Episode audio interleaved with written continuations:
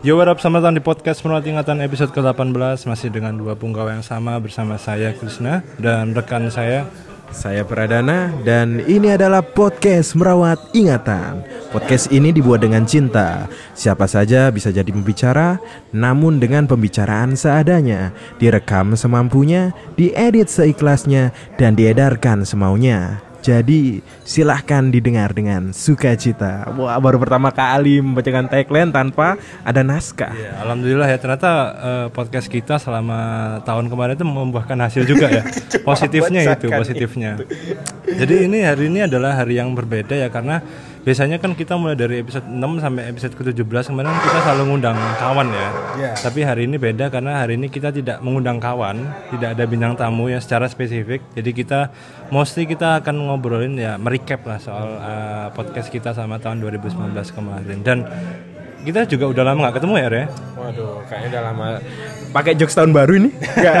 Jangan ya, nggak usah. ya. Iya, kita udah, memuakkan kita udah gitu. lama nggak ketemu. Jadi apa kabar R? Waduh, ya cukup baik lah ya. Secara fisik, mental masih bisa dipertanggungjawabkan lah. Oh, Alhamdulillah. Jadi kan kalau sama tahun baru itu biasanya ada inilah istilah New Year New Me. Tapi itu istilah itu nggak berlaku untuk jokes R. Karena karena sudah dipatahkan di awal tahun kemarin. Jadi kan dari tahun-tahun sebelumnya kan ada jokes-jokes kayak eh, bro, eh, koncoku ngising. Eh, Iya, berak. eh, eh, tapi keluarnya tahun depan gitu kan. Eh, eh, kan Aku tidur tapi bangun-bangun udah tahun depan. Iya, jadi iya jokes-jokes yang kayak gitu tuh ternyata masih eksis gitu. Jadi kan New Year New Me itu nggak nggak ini lah, nggak relevan lagi Tadi gitu kita loh. eh, pembukaan sa- salam-salam bukaan ini sebenarnya mau pakai itu tapi karena sadar gitu ya kayak udah lama nggak ketemu kita udah lama ketemu wah kurang lebih satu tahun kayak gitu Nah, ya Kita itu nggak mau pakai bahasa basi aja. Tapi sayangnya tahun 2020 ini sebenarnya tidak dibuka dengan ada beber- beberapa berita menyedihkan ya Iya. yang kita alami kayak misalkan ada eh, banjir di Jakarta dan itu juga. langsung cuy kan eh, apa di tanggal satunya setelah mungkin dugem melean atau sembayang Hmm. segala macam mengharapkan tahun yang lebih barokah tiba-tiba dibuka langsung banjir Iya, dan apa? Dan katanya di Jakarta ini banjir Jakarta itu eh, banjir yang tahun ini adalah salah satu yang terparah sejak tahun 2007 dinilai dari kerugian material sama tingkat kerusakan kerusakannya bencana itu juga. kerusakan apa ini kerusakan moral iya, mungkin secara overall lah banyak hal lah. Tapi kalau ngomongin soal banjir Jakarta ya eh, nanti aja. Makasih, makasih. Makasih. Itu ada ada iklan. Jadi ya kita di sini dari podcast Semangat Ingatan mengucapkan inilah ya berbela sungkawa lah untuk eh, saudara-saudara kita yang menjadi korban di banjir di Jakarta. kita nggak saling menyalahkan lah ya intinya di sana karena kita warga Surabaya jadi kita tidak tahu situasinya bagaimana Yang kita tahu bahwa parah sampai ada BMW hang- hanyut gitu. Hanyut. Tapi kita nggak cuma omong kosong di sini sekarang. Kita kehadiran penyintas Penyintas dari dari banjir di Jakarta. Jadi langsung aja kita sambut ya Ya, penyintasnya. penyintasnya saudara Ihram Ibrahim. Loh, jangan disebutin namanya belum, dong. jangan. Ya, Nanti disensor dulu nanti ya. sensor dulu Iya, ya, iya. ya. Ya, gimana Mas? Selamat selamat malam. Ya malam Eh, podcast merawat ingatan. Karena Eh, gimana Mas waktu banjir Jakarta itu ada firasat nggak Mas? Iya, ada firasat. eh, kalau firasat sih sebenarnya nggak ada ya mas ya. Cuman memang hujan itu 24 jam hujan. Mm-mm. Jadi dari jam 12 sampai jam 12. Perasaannya gimana kena banjir? Ya karena udah ya nggak terlalu sering sebenarnya mas ya. Sebenarnya kalau dari sejarahnya rumah saya ini nggak pernah kena banjir. Udah bertahun-tahun lah tidak banjir. Cuman karena memang curah hujan di Jakarta eh, hari-hari sebelumnya ini agak tinggi gitu. Akhirnya ya banjir juga yang menurut saya itu tuh nggak normal mas gitu. Boleh tahu di daerah mana Mas rumahnya? Eh, saya di Ciledug, Tangerang mas. Tapi Tangerang mepet Jakarta. Makanya dibulatkan warga Jakarta saja. Iya, tapi memang dulunya itu sebelumnya memang Jakarta, Mas. Cuman ada perebutan antara dua kubu. Akhirnya wila- wilayah saya ini menjadi Tangerang gitu. Jadi wahai pendengar yang budiman, kita serius menghadirkan eh, orang yang benar-benar penyintas ya. Kita nggak jokes di sini. Cuk. Jadi kebetulan penyintas ini kita ajak juga ya sepanjang podcast episode ini ya. Cuma tadi pertanyaan awal-awal itu namanya sarkasme kalau kalian nggak tahu ya. Jadi kalau yang firasat, perasaan itu kita nggak sebodoh itu tanya-tanya. Itu tadi namanya sarkas. Nanti dicari ya. Terus juga nggak cuma di berita Jakarta, kita juga ya ada kebakaran hutan di Australia itu yang parah juga ya. Yang menyebabkan yang penyebabnya salah satu ya global warming gitu kan. Itu kan global warming itu kayak climate change itu akhirnya kembali lagi diungkap lah. gitu. Karena kan kasihan ya lihat kayak koala, kanguru yang katanya kalau nggak salah ini kan mereka kan hewan endemik nih. Misalkan hewan-hewan endemik itu hilang punah itu kan khasnya Australia kan udah nggak ada gitu. Jadi menyedihkan aja. Jadi emang sudah sudah saatnya kita sadar bahwa climate change is real bro. Nah, dan itu apa ya langsung aja yang tadi positifnya gitu ya. Karena mungkin juga eh, bisa juga dari climate change itu akhirnya Jakarta sebagai ibu kota Indonesia udah mulai sadar tentang yang namanya pembatasan sampah plastik nah benar benar. Jadi eh, ini nih kita akan membacakan sebuah berita ini. Kita kan tadi kan ngomongin bencana hal-hal yang negatif. Sekarang ya. yang positif lah ya. yang positif. Jadi eh, dilansir dari Vice Indonesia ya Vice Indonesia minggu ini gratis minggu depan bayar ya. jadi katanya ini pada tanggal 7 Januari kemarin ini Pemprov DKI Jakarta mengumumkan bahwa eh, mereka baru saja mengeluarkan Pergub nomor 142 strip 2019 yang melarang penggunaan plastik sekali pakai di pusat perbelanjaan, toko swalayan dan pasar rakyat dan Eh, Gubernur DKI Jakarta Anies Baswedan ini sudah menandatangani peraturan ini pada tanggal 27 Desember dan telah diundangkan pada pada tanggal 31 Desember 2019. Jadi Kalau ah, kalau kondom itu termasuk yang dilarang nggak berarti? kan plastik pak. iya dan, dan sekali pakai ya benar benar benar. kan nggak mungkin misal Iya, habis iya. cerot terus di di apa dibalik terus dipakai sisi lainnya kan nggak. Iya menjijikkan juga ya betul betul dan dan ini dan sesuai dengan aturan bunyi aturan itu jadi pelaku usaha di Jakarta itu yang berkaitan tadi kayak misalkan toko swalayan, pasar rakyat, pusat perbelanjaan itu dikasih waktu enam bulan untuk masa transisi. Jadi untuk pembiasaan lah. Ya, sosialisasi lah ya. Jadi kalau menurut kamu gimana nih? Ini positif apa enggak? Oh sangat positif ya. Tapi yang setahu saya yang pertama kali eh, daerah secara secara struktural ya yang udah apa eh, melakukan kebijakan ini tuh Bali pak. Oh, Iya, sebelumnya Bali, setahu saya ya. Itu karena saya dengar podcast yang ada Robi Navikulanya. Terima kasih beli Robi. Beli Robi, oke. Terus juga apa apa mungkin karena karena Bali itu memang memang tujuan wisata ya, tapi mungkin karena Jakarta adalah eh tapi mereka bukan capital city juga ya, jadi mungkin exposure-nya nggak segede Jakarta ya. Jadi menurutku sih positif dalam artian bahwa Jakarta ini kan capital city gitu kan, dan harapannya karena jadi daerah yang exposure-nya paling gede gitu kan. Jadi ya harapannya dengan adanya peraturan ini ini juga bisa eh, ditiru lah nanti sama daerah-daerah lain gitu. Waduh, waduh, itu suatu langkah yang berani dan semoga nanti eh, bisa ini ya, nggak cuma wacana semata aja dan dilakukannya itu berjenjang gitu, eh, konsisten. Iya iya dan dan soalnya ya aku ngerasa emang di Indonesia itu emang udah parah lah soal penggunaan plastik. Maksudnya gini deh, kalau kamu misalkan pernah belanja nih pakai ojek online gitu kan, misalnya pakai Grab atau pakai Gojek Ini gitu masih kan. gratis ya sekarang. masih gratis Gojek, GrabFood, Go- GoFood, GrabFood masih gratis minggu ini. Minggu depan bayar. Jadi kalau misalkan kamu beli yang kayak misalkan kan sekarang lagi populer tuh boba-bobaan tuh. ya kan boba, terus kayak kopi-kopian itu kalau kamu pernah beli di ini di apa namanya beli di GoFood atau di GrabFood itu kan itu udah udah tempatnya plastik gitu kan. Terus karena karena itu juga mu- plastik. sedotannya plastik juga Pakai karena dibungkus plastik lagi, pakai kantong plastik. Nah, karena biar terus dibungkus lagi biar menu- mem- apa biar nggak bocor itu kan Jadi wrappingin mau di iya pakai iya Anda. jadinya kan plastic exception gitu loh bro jadi kan sangat-sangat tidak efektif gitu penggunaan plastik gitu loh. Jadi dari hal-hal sebenarnya tren-tren gitu bukan berarti kita mendiskreditkan itu ya cuma kan kita nggak kita nggak bener-bener yang wah, zero waste banget. Kita Ah. juga masih orang-orang yang mudah nyampah kok. Nah, cuma emang awareness ini memang perlu ditingkatkan lah kayak gitu lah. Ya kayak dari hal kecil kayak gitu aja kayak wow gila juga sih kadang kayak sebenarnya kalau aku misalkan ya misalkan kayak aku tuh terakhir beli kayak gitu tuh boba-bobaan gitu lewat GoFood yang nyebelin itu kalau di plastic section gitu yang dibungkus plastik banyak itu yang nyebelin adalah plastiknya mau tak pakai apa habis itu tapi tapi kamu sempat mikir nggak? Mungkin agak jauh jauh dari hal ini ya yang tentang plastik ini. Kan kita udah sangat eh, di tahun-tahun yang lampau udah kita udah sering banget gitu loh pakai yang namanya plastik apalagi plastik sekali pakai ini. Dan itu kamu pernah mikir nggak sih eh, sebabnya orang-orang buang sampah plastik ini sembarangan gitu loh. Dan dan dampaknya bagi lingkungan segala macam. Kamu pernah mikir nggak sih awalnya kenapa kejadian yang buang sampah sembarangan terus sampai berceceran banyak itu di Indonesia?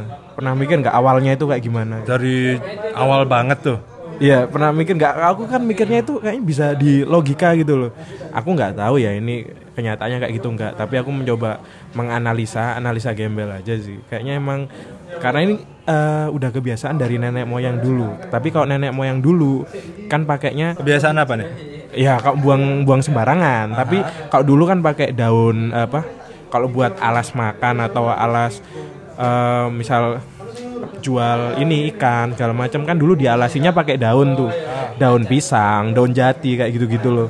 Nah, tapi seiring waktu dan mulai masuk juga perusahaan-perusahaan yang mungkin mencoba mengakrabkan diri dengan pemerintah segala macam dan mulainya ada kudeta-kudeta zaman Orde Baru Orde Lama itu. Langsung dijebret masuk perusahaan-perusahaan gede yang pakai plastik. Dan kita belum siap tentang sosialisasi segala macam mentalnya belum siap nih tapi udah dimasukin barang-barang produk plastik itu.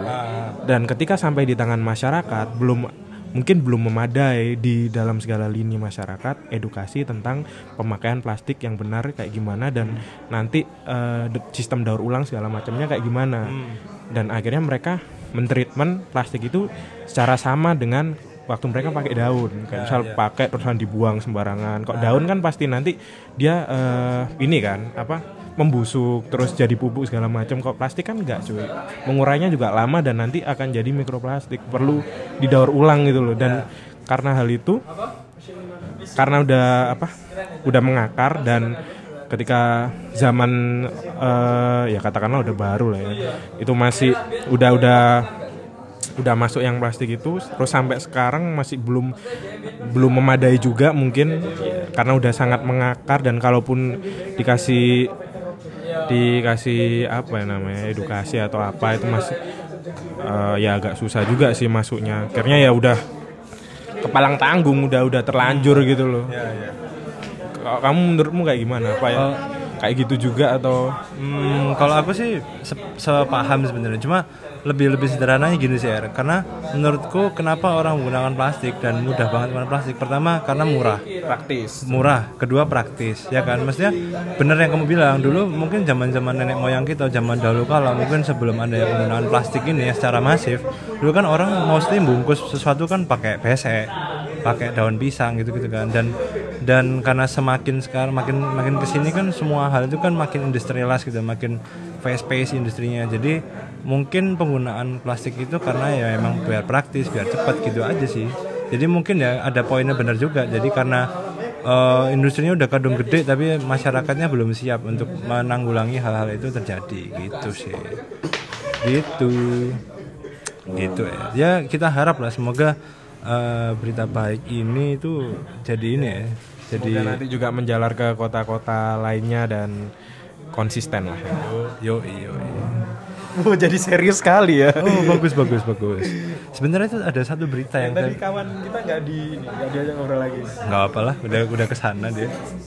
Nggak ada sebenarnya ada satu berita lagi yang sebenarnya kita pengen bacakan. Tapi bukan berita positif sebenarnya berita ini, negatif sih sebenarnya. Jadi eh, kan kemarin sempat rame tuh. Oh ya kalau nggak salah awal ramenya itu awal minggu ini deh. Tanggal 6 ya tanggal 6 Januari itu ada berita. Aku tahunya itu dari Line Today. Jadi ada berita eh, seorang mahasiswa eh, itu diduga melakukan pemerkosaan terhadap 190 pria di eh, Inggris Raya. Dan ini adalah salah satu kasus Pemuda ya, pemuda, ke pemuda lainnya. pemuda lainnya dan ini adalah pakai dia sebelum perang dunia ketiga. Waduh, dan dan ini tuh katanya adalah kasus eh, pemerkosaan terbesar dalam sejarah Inggris Raya. Nah ini kita bacain ya beritanya ya. Jadi bacanya ini berita. Intisarinya. Yo, ini beritanya lagi-lagi dari Vice Indonesia nih ya. Rek. Jadi Vice Indonesia minggu depan bayar oke ya.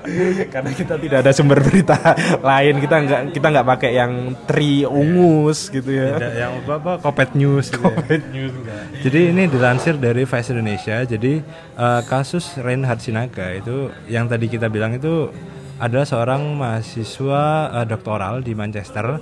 Itu dia tuh diduga sudah melakukan aksinya dengan 190 pria. Jadi eh, dan di polisi polisi di Manchester ini sudah menemukan bukti rangkaian kasus yang dilakukan Reinhard itu dia udah lakukan sejak Januari 2015 hingga 2 Juni 2017. Tapi katanya ini diduga dia itu udah melakukan aksinya itu sejak tahun 2007 atau tepat di kedatangannya dia di kota Manchester. Tapi menurut menurutku ya, Cuk, dia itu kuat lah eh, secara iman, secara fisik dan secara manuk ya. Mohon maaf ini kalau mungkin terlalu eksplisit ya. Tapi kita lanjutkan lagi beritanya. Katanya tadi baru setengah-setengah ya. Jadi eh, katanya itu dia itu cara mendapatkan mangsanya itu dia itu ser- menunggu di pintu luar klub malam. Jadi dia itu memang menarget orang-orang yang mabuk, orang-orang yang kehabisan Tapi baterainya. mabuknya nggak minum amer kayak Enggak gitu. dong, tidak populer di sana orang tua.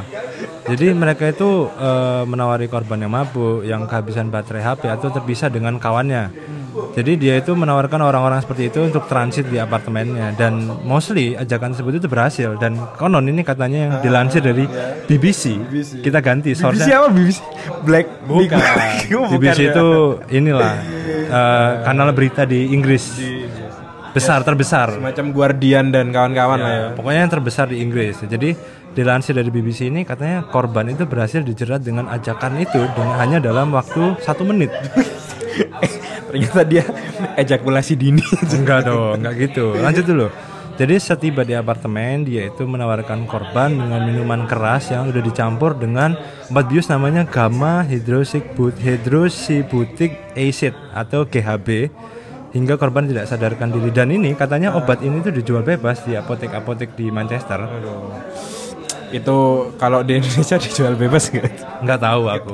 Ya semoga enggak lah ya. Tapi ini cuy, ada yang disayangkan. Sayangkan apa? Khususnya dari eh, media-media di Indonesia yang kok menggu- em, memberitakan kasus ini itu malah jadi melebar gitu cuy. Karena eh, inti inti sarinya mal- nggak nggak bener-bener didalami di sana, tapi malah ke misal ke ayahnya, terus ke kebiasaan dia mungkin ke tetangga-tetangganya. Atau ya kayak yang di awal-awal tadi kita wawancara kawan kita itu tentang firasat segala macem.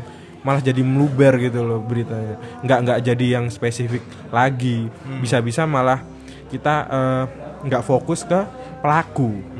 Malah bisa-bisa kita fokus ke korban. Mungkin salah satu korbannya ternyata orang terkaya di Inggris atau apa. Malah jadi lebih penasaran ke sini tuh Dan ya itulah. Jadi karena apa ya maksudnya karena berita ini masuk ke Indonesia digoreng oleh beberapa media di Indonesia. Kita tidak ngomong semua media, tapi beberapa media itu menggoreng berita tersebut akhirnya menjadi melebar jadi sentimen anti LGBT.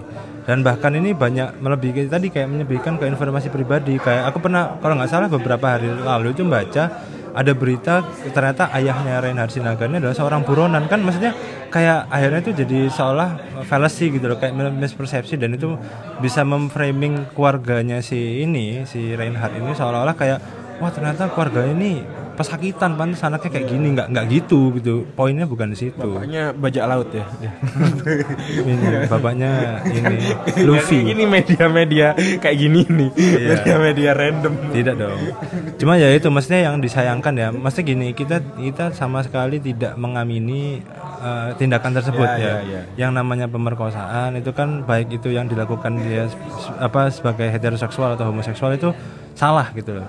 Dan kita juga nggak bakal bahas soal eh, LGBT di sini karena ya itu apa terlalu sensitif lah di sini. Dan itu kan kita apa kita, sikap tidak memper sendiri-sendiri lah ya. Nah, kita di sini tidak akan mempermasalahkan eh preference seksual orang. Cuma karena kita juga belum siap kok nanti di sidang mau berargumen macam-macam ilmu kita masih cetek. Kita sadar diri lah ya. Cuma yang kita permasalahkan kan ya media-media itu loh yang melebihkan gitu loh. Maksudnya kan akhirnya meng- menggiring sebuah fallacy persepsi kayak gitu-gitu yang tidak baik sebenarnya. Kalau aku sih bayanginnya kayak ya kasihan sih kayak ke keluarga-keluarganya gitu. Mungkin nggak tidak keluarga kandungnya ya mungkin keluarga yang keluarga besar gitu kan. Dan mungkin kan orang yang mem- ya, mem- membawa marga yang sama dengan dia itu akhirnya kan jadi kayak ada oh ini orang ternyata dia sama nih kelakuannya sama kayak Reinhardt kan kasihan gitu. Maksudnya jangan sampai eh, apa ya ada ada mispersepsi kayak gini gitu loh. Tahu nggak yang paling kasihan siapa? Ibu kosnya aja kenapa? Ya nanti eh, digosipin sama tetangga-tetangga jangan kos di situ. Di situ dulu pernah ada orang yang suka ngewek sama cowok. Terus dia cowok juga. Anu korbannya udah banyak. Tapi kan tinggalnya di apartemen iya dah ibu apartemen. Ibu apartemen. Jadi ya gitulah intinya ya kita eh, apa tadi? Pokoknya ya kita menyayangkan aja sih media-media di Indonesia gitu yang mungkin berlebihan aja sih melebih ah, maksudnya kayak nggak apple to apple gitu sesuai dengan topik yang sebenarnya pengen dibawa gitu loh. Dan jangan sampai ini kayak jadi seolah-olah kayak scapegoat untuk banyak hal yang apa apa misi-misi lain lah gitu. Jadi jangan sampai lah. Cukup di situ aja. Tapi tapi emang ya itu adalah berita miris ya yang terjadi. Yang kita sebagai warga negara Indonesia sendiri juga pasti kaget dan mungkin malu lah gitu dengan adanya hal tersebut. Begitu Er. Gitu lah. Kita ngomongin banyak soal berita tapi kita nggak ngomongin soal diri kita sendiri sih sebenarnya. Tentang apa nih Jo? Aku, eh, aku karena ya apa ya di awal tahun ini ya aku bukannya nggak bersyukur ya. Tapi aku sendiri secara secara hati itu masih belum belum benar-benar jejak gitu loh menghadapi tahun 2020 karena aku pribadi dari tahun 2019 atau ke tahun dari 2018 bahkan itu banyak sekali hal-hal yang hal yang eh, kurang baik yang aku alami dan kebanyakan dipicu oleh diri diri saya sendiri gitu malah ya mungkin salah satunya kayak apa ya, misal melihat kawan-kawan lain yang udah lulus dan sebagainya kerja dan lebih punya pekerjaan tetap dan sebagainya itu ya aku bersyukur kawan-kawan udah kayak gitu tapi tetap juga kayak menyimpan perasaan. "Waduh, sa- kawan-kawan udah sampai situ dah. saya masih di sini-sini aja. Itu sebenarnya buruk gitu kayak gitu. Punya punya punya statement kayak gitu dan terpatri dalam hati itu kan buruk juga untuk kesehatan jiwa. Tapi kan we don't live in the past bro. Ya ya ya jadi kalau kamu sendiri di 2020 nih ada resolusi gitu nggak? Atau mungkin apa gitu yang ingin kamu capai di tahun 2020 ini? yang paling utama lulus dulu lah ya. Ya mungkin setelah kampat langsung nyari duit saja dulu. Nggak mulu-mulu ya. Tapi kalau aku sendiri sih, eh, eh, kalau kamu sendiri resolusi tahun lalu tercapai nggak ya? Ada resolusi nggak tahun lalu dan tercapai nggak? Eh, sayangnya sama sekali nggak ada yang benar-benar tercapai ya tahun lalu. Bahkan dalam dua tahun terakhir mungkin kejadian yang paling benar-benar eh, memorable ke aku ya.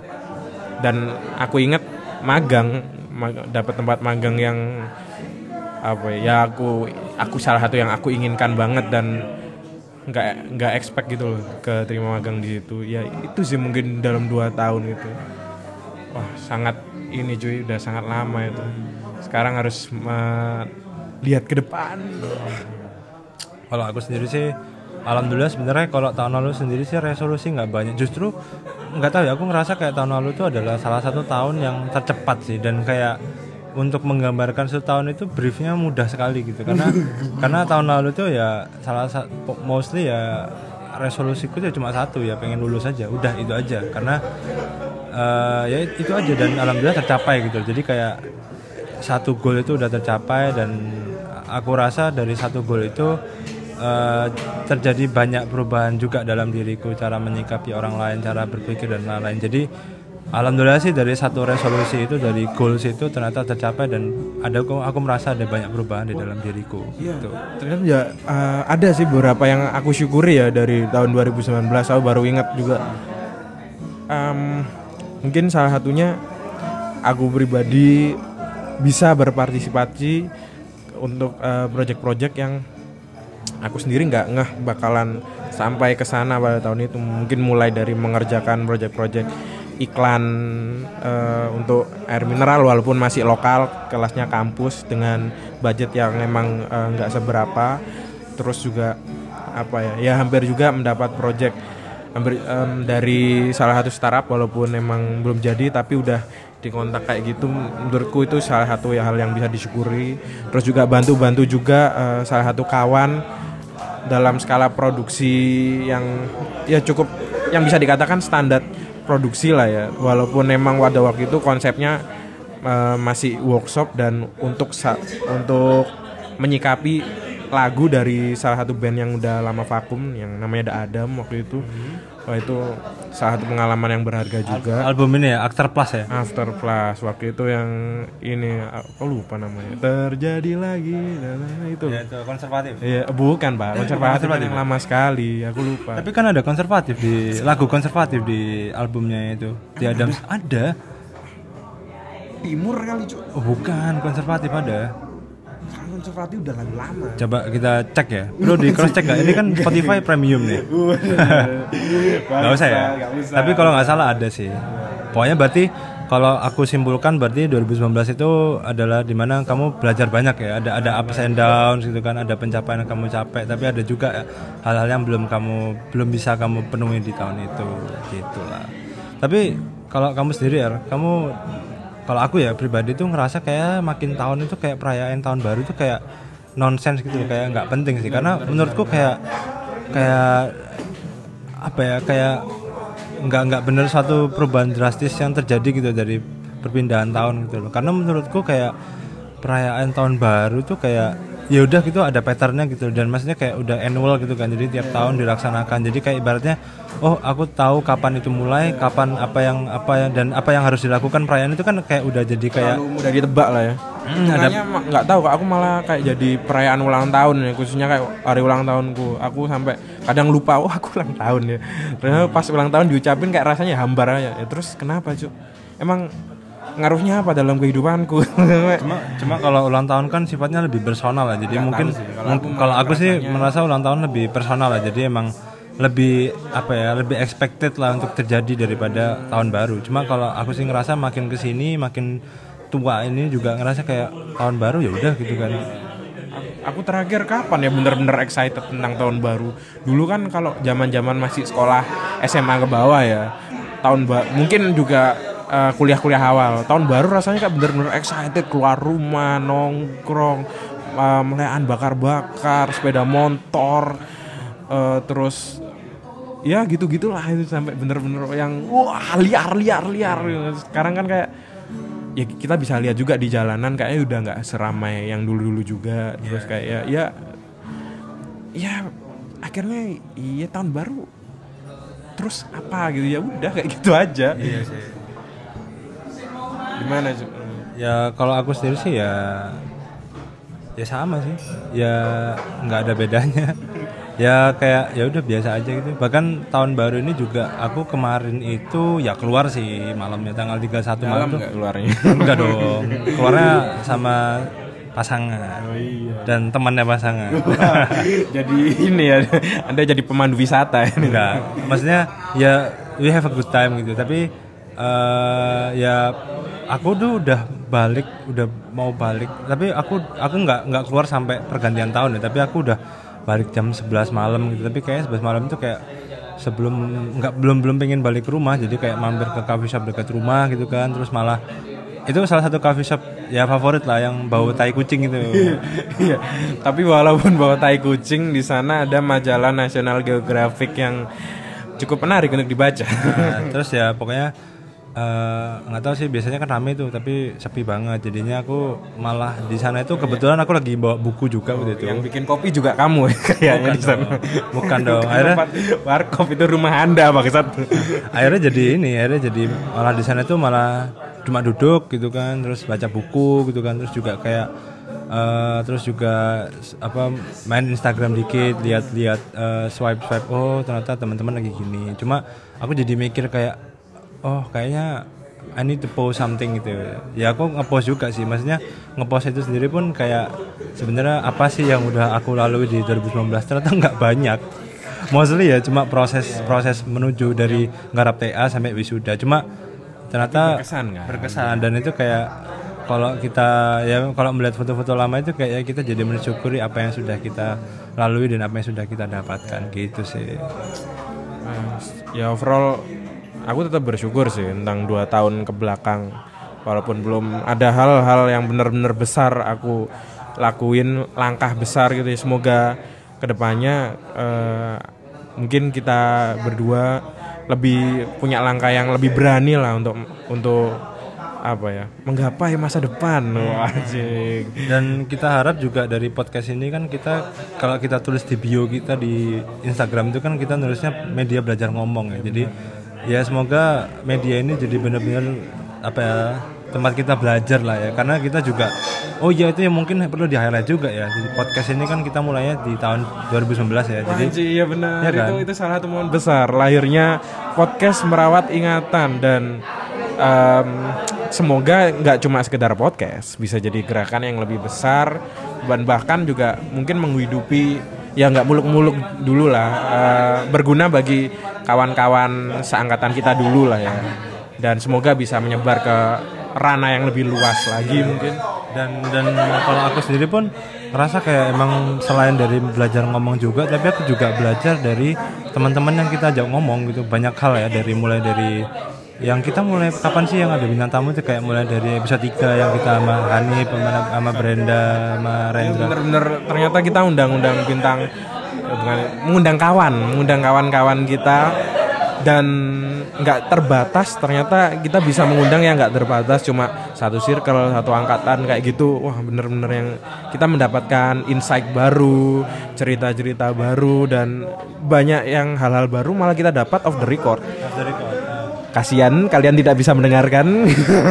Cuma ya itu sih maksudnya salah satu apresiasi terbesar buat kita ya ya itu maksudnya ke- apa ya ke keintiman dan kedekatan kita dengan para kawan-kawan yang kita undang gitu. Karena kalau kalian dengerin podcast kita itu malah sebenarnya lebih banyak yang kita pelajari off the recordnya. Dan apresiasi kita adalah ketika mereka menganggap bahwa podcast ini adalah sebuah media yang sangat berpengaruh bagi hidup mereka gitu kan. bukan berarti yang direkam tidak ada isinya tetap ada isinya bangsa tetap ada. Nah, kayak misalkan ada yang anggap ini sebagai media untuk silaturahmi, ada yang ada yang bikin media ini kayak apa bikin ini baper katanya karena kalau dengerin ini jadi kangen kampus. Dan justru kita ini biar pengobat rasa kangen kalian. lebih tertawa lepas dan ternyata bisa juga aku tertawa lekas direkam kayak gitu. Itu kan hal-hal yang cukup wow juga gitu loh. Dari kita jadi ya bener-bener juga salah satu bukti kan kita bener-bener nggak mencoba mencitrakan sesuatu kita mencoba apa adanya kita mencoba eh, bercerita dari manusia ke manusia gitu. Dan dan ya itu maksudnya beberapa orang juga menganggap bahwa kawan-kawan yang kita undang ini sebelumnya misalkan orang ini punya persepsi A terhadap persepsi ini terhadap orang A ternyata setelah kawan kita, kawan kita A ini undang ke podcast ini ternyata orang teman-teman kita yang dengerin itu udah punya persepsi yang berbeda. Oh ternyata anak ini kenapa kok gini? Karena gini. Jadi ya maksudnya kita senang juga bisa menjadi menjembatani perbedaan pikiran yang sebelumnya sulit untuk diomongkan gitu sih sebenarnya. Gitu. Ya itulah 2019 adalah tahun yang menyenangkan lah buat kita Nanti 2020 salah satu resolusi saya walaupun tidak langsung dari tangan saya yaitu Sintayong bisa memberikan kemajuan yang eh, cukup bisa dilihat dari timnas Indonesia. ya tapi jangan lupa di highlight juga loh kalau nggak salah tahun ini apa tahun depan itu ada juga Indonesia kan jadi tuan rumah Piala eh Piala Asia Piala Asia basket Oh, Piala Asia Basket. Piala Asia basket bersama Salah satunya di mana? Di Surabaya ada. enggak itu pokoknya join inilah Major City di Jepang Filipina sama Indonesia jadi Cuk, berarti ada Jepang. iya tapi emang tiga tiga negaranya jadi tuan rumah jadi ya jangan lupakan lah olahraga basket ini juga Iya, itu sebenarnya Indonesia bukan yang pertama kali ya joinan kayak gini. Dalam apa cabang olahraga yang lain yaitu sepak bola. Tahun 2007 juga pernah yang empat negara itu empat negara ASEAN.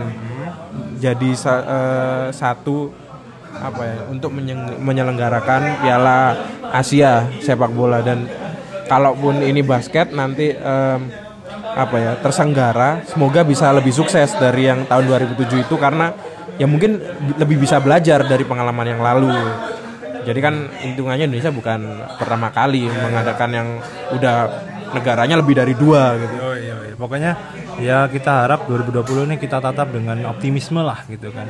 Gitulah. Jangan kita harus stay in a positive mind gitulah gitu. Anjing ternyata kita ini bisa bisa juga ya bikin episode yang serius penuh kata-kata bijak tapi kayaknya kalau ngomongin soal op- optimisme gitu kan kita kan tadi sudut pandangnya dari kita sendiri kayak ap- tentang tahun baru kita ngapain terus juga eh, optimisme kita menghadapi 2020 nah itu kan dari kita nih.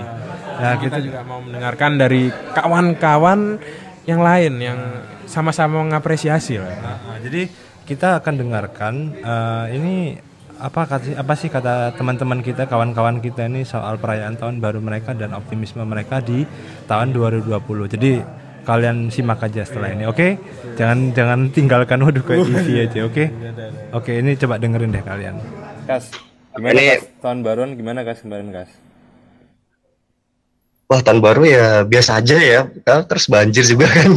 Kemarin hujan berarti di nggak nggak ngerasain vibe-nya dong ya kalau vibes sih mungkin cuman ya udah kayak vibes begadang sampai malam doang kan jam 2 dari jam 12 terus jam 1 hmm. kan karena waktu itu aku tahun baruan bakar-bakaran di rumah saudara kan ah. terus apa namanya waktu itu di rumah BSD di rumah saudara kan kumpulnya terus Mhm. pas pulangnya tuh karena rumahku kan sekarang di Alam Sutra Widih. elit ya Enggak kok bro Men- menengah aja aduh terus terus Nah terus kena macet sih sempat kena macet itu padahal setengah malam tuh. hmm. Terus ya udah sampai rumah sekitar jam 2-an kalau nggak salah jam 2 Udah tuh langsung tidur aja di situ. Besoknya karena besok iya besok libur jadi keseharian tuh cuma lebih sering tidur aja sih. Hmm. Karena mungkin ya kenapa? Karena ini ya udah maksudnya karena udah menjadi budak korporat sekarang jadi sangat menghargai waktu libur ya. Iya. Benar benar. benar. Sepakat sepakat sih, sepakat sih. Ya gitu sih sekarang kayak keseharianku sekarang lebih jadi Senin sampai Jumat lebih bisa jadi robot lah ya karena depan komputer terus kan ngerjain 8 jam lebih sehari terus baru benar menjadi manusia lagi tuh hari Sabtu Minggu gitu. Itu pun juga belum tentu sih karena masih ada kerjaan yang dibawa kadang-kadang kan. Iya benar benar benar. Sebenarnya sih kalau resolusi buat tahun ini sih lebih ke apa ya? Mau mencari pekerjaan lain sepertinya sih. Oh gitu ya. Cuman belum tahu sih ini masih perencanaan. Cuman karena kan aku masih kontrak satu tahun kan. Haha. Tapi mungkin karena aku memikirkan juga usiaku yang masih Muda. muda ya masih muda kan Hmm. gitu berarti kan masih kesempatan tuh kan masih banyak kan gitu. Haha. tapi paling enggak tetap berusaha maksimal dulu di tempat sekarang Ah, Berarti 2020 ini concernnya lebih ke karir ya guys ya. lebih ke karir dan ini juga sih mudah-mudahan bisa inilah ya nggak sendiri lagi lah udah Wih, oke. inilah eh, ini ke arah yang lebih serius maksudnya Oh ke jen- gitu. Oh sudah ada berarti ya. ya sudah, sudah. Waduh, ketinggalan informasi nih kalau gitu. Oke, Kas, makasih ya Kas ya. Oke oke, makasih banyak ya Bu, udah buat waktunya. Terus semoga podcastnya semakin sukses lah ya. Amin, amin. Oke, Kas. Amin amin. Good luck juga ya buat karir. Oke, good luck juga. Oke, sukses, sukses. Halo semuanya, nama gue Alia. Yoi. Gue berprofesi sebagai desain dan kreatif di lingkup eksibisi dan pameran serta event. Oke. Ya. Domisili Jakarta. Oh, Jakarta mana Sudah. nih? To be exactly Jakarta mana nih? Al? Gue Jakarta Timur tinggalnya, tapi kerjanya Jaksel lah. Wah, jauh Jaksel. ya. ya Ya, maaf. Tahun baru gimana Al kemarin? Tahun baru 2020 menurut gue banyak banget pengalaman serius apalagi itu kan emang gue lagi libur kan libur kantor sampai tanggal 6 nya masuk nah gue sih nggak banjir alhamdulillah tapi yang banjir itu saudara gue bude-bude bude gue banjir. Jadi emang itu gue ngebantu di sana. Dan tahun baru itu eh, kan bude gue itu lantai satunya tenggelam lah. Tanggal lantai duanya nyam- aman. Hari keduanya itu mumpung gue juga lagi nginep ya udah gue kayak bereksperimen dengan jemuran dengan fan-fan VW kodoknya. Itu itu loh itu serius. Apalagi malamnya itu kita emang bakar ikan bakar ikan Ah, itu ya gue mencoba menjadi stranger. Karena di situ gue doang yang kayak sanak saudara sendiri. Sisanya tuh keluarga bude gue sendiri. Hmm, hmm. jadi gue mencoba merubah suasana rumah aja kayak oh ya bude biar jangan sedih lah. Soalnya kan tuh emang ternyata apa kayak kain-kain produksi handmade handmade handmade-nya keluarga kita tuh emang tenggelam juga kan Hmm, hmm. udah dipola juga tuh udah siap udah siap dijahit lagi itu entah lah kayak gue berusaha membuat gue berusaha semaksimal mungkin memberikan aura terbaik gue buat mereka Hmm. udah setelah itu kembali ke rumah Tapi kalau menurut lu sendiri 2020 nih harapan lu jadi tahun yang seperti apa sih? gue sendiri 2020 sebenarnya mulai dari Desember 2019 sih mulai Desember akhir tuh gue bilang gue pengen fokus ke aset yang gue punya Hmm, skill berarti ya. aset ah semuanya keluarga gue hubungan gue ke temen hubungan gue ke keluarga gue Hmm, hmm. personalnya secara apa interpersonal juga Hmm, hmm.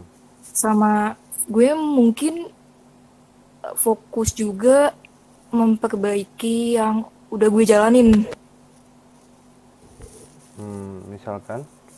Misalkan gue kan gue udah mulai menjalani ya beberapa habit habit. Misal baca buku atau gue juga mulai ikut kelas online gratisan gitu. Hmm, hmm, hmm, hmm. nah tapi eh, gue gue juga suka gue ini dua arah ya Hmm, hmm. kadang tuh kita nggak rasa oh iya 2020 atau naik kelas pokoknya gue harus punya target A B C D F sampai Z gitu kan tuh ya nggak sih? Percaya kan? Maksudnya hampir semua kayak gitu. Ya.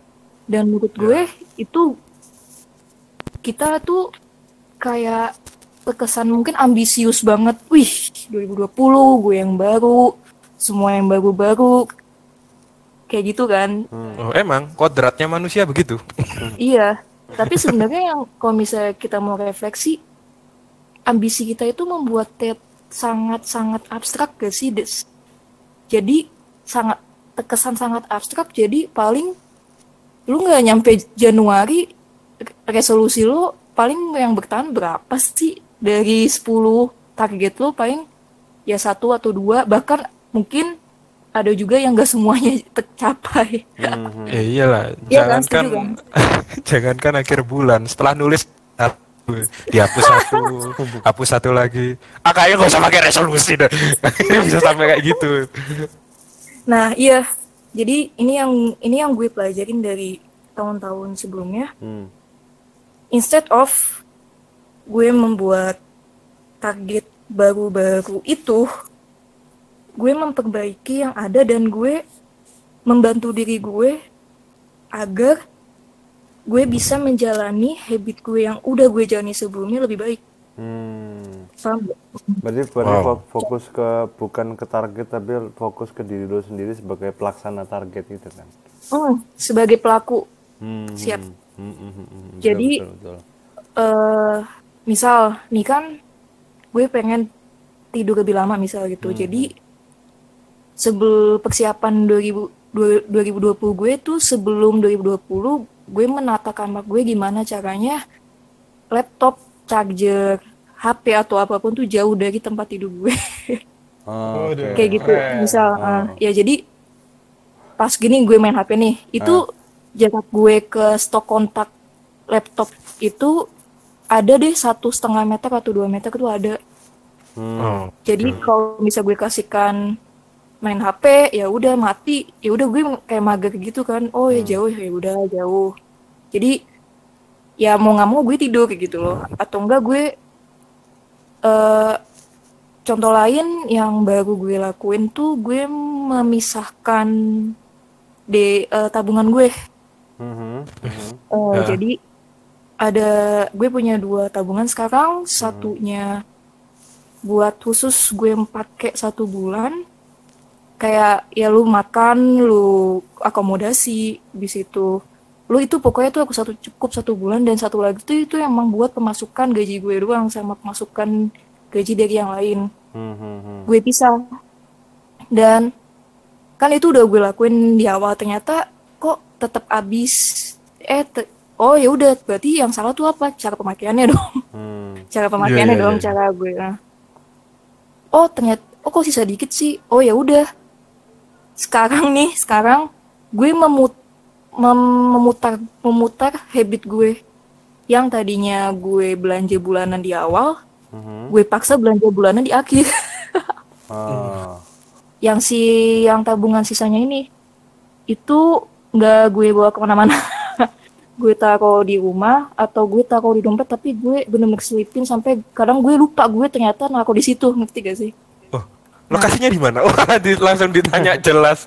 Mau disatroni. Makanya bahaya Mas Krisna Eh PR tadi yang ngomong oh suaranya sama Nah, itu namanya rekan itu harus mirip-mirip suaranya emang.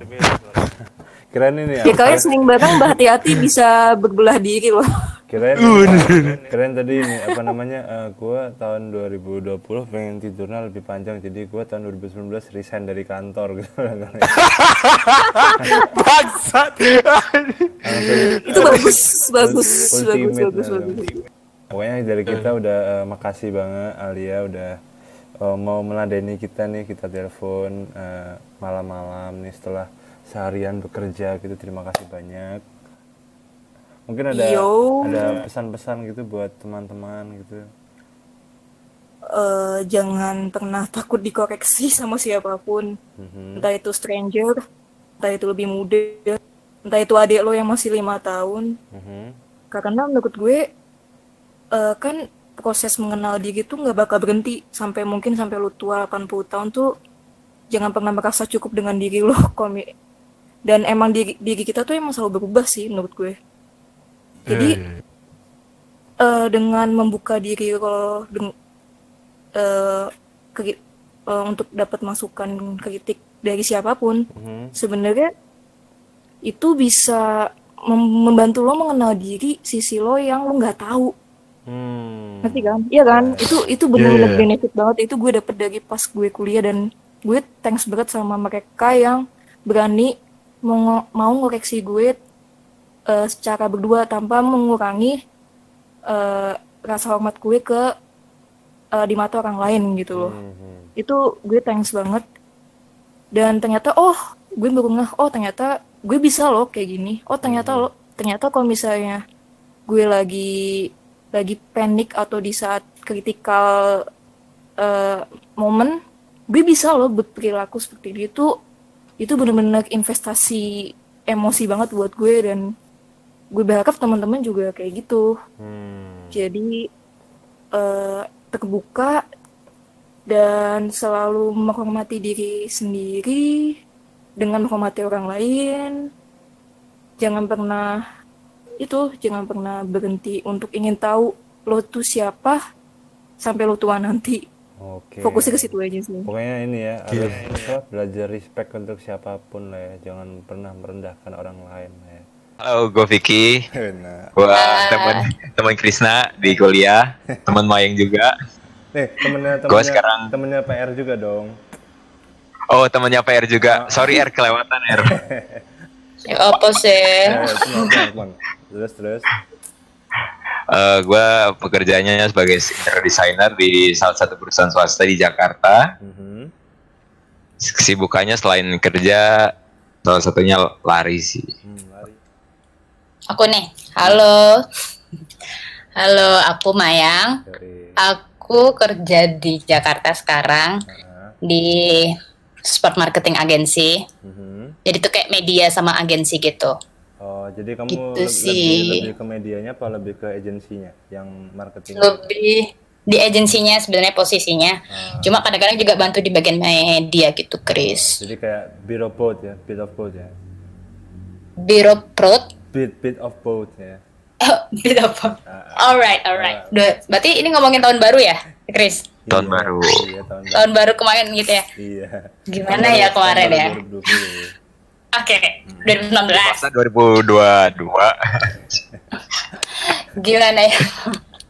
ya kemarin sih Hmm. aku main sama anak-anak sih. Jadi aku kemarin ke Surabaya. Oh iya, kamu ke Surabaya? Iya. Ah, Parah, parah. terus terus. Ya, aku pulang ke Malang. Terus emang aku sempetin main ke Surabaya kan ke eh, anak-anak. Jadi kita emang bikin kumpul-kumpul gitu, ayo barbecue barbekyuan gitu. Ya udah kumpul. Ya, seneng banget sih maksudnya recharge. Aku, aku sih personally recharge banget sih soalnya aku bisa kayak ketawa puas gitu. Seru-seruan lagi kayak zaman dulu. Hmm. Karena di sini kan udah nggak bisa kayak gitu ya. Ah, ah, ah. Maksudnya aku nggak ada temen yang sefrekuensi kayak gitu-gitu sini-sini. Hmm, alright. Jadi mungkin paling kayak bosan-bosan ngapain ya? Ya lari-lari kayak gitu. Maksudnya eh pelariannya tuh ke olahraga. Meskipun nggak yang serutin itu sih, maksudnya ya gitulah. Hmm, kalau 2019 sih sebenarnya kayak aku itu kayak ketiduran gitu sih. Jadi kayak nggak terlalu mindful sama yang aku jalanin. Ah, kalau kalau Vicky gimana? Tahun baruan tahun, tahun baruannya Vicky nih. Di Jakarta. Tahun baruan sih kemarin sih biasa aja ya. Ah, Karena emang eh kebetulan waktu tanggal 31 nya off. Terus paginya lari, terus pulang lari ke kedai kopi langganan. Nah, ketemu teman-teman. Terus ada yang nyeletuk, eh ntar ya gitulah bakar-bakar lah. Mbak ketemu lah di salah satu rumah temen. Gitu ya, udah sih gitu. Tapi dari sore itu udah udah dari siang udah mendung banget sih Jakarta. ah, yang Udah mendung gelap Ah, ya gue mikirnya ah paling nggak jadilah anak-anak juga mager paling ntar kalau hujan hmm. nah ternyata bener jam 4 aja udah hujan udah mulai hujan gitu kan eh tapi ternyata kontak-kontakan lagi sama teman-teman ya ternyata jadi Hmm. Sa- Sama siapa? kebetulan sama teman-teman kantor kemarin itu Oh. ya Ra- Rame-rame berarti ya, nggak nggak berdua doang gitu enggak ya? enggak rame-rame Oh. Eh dong Oke, oke. kan teman-teman Oh, teman-teman. Terus kalau kalau kalian sendiri eh, menganggap tahun baru tuh gimana sih?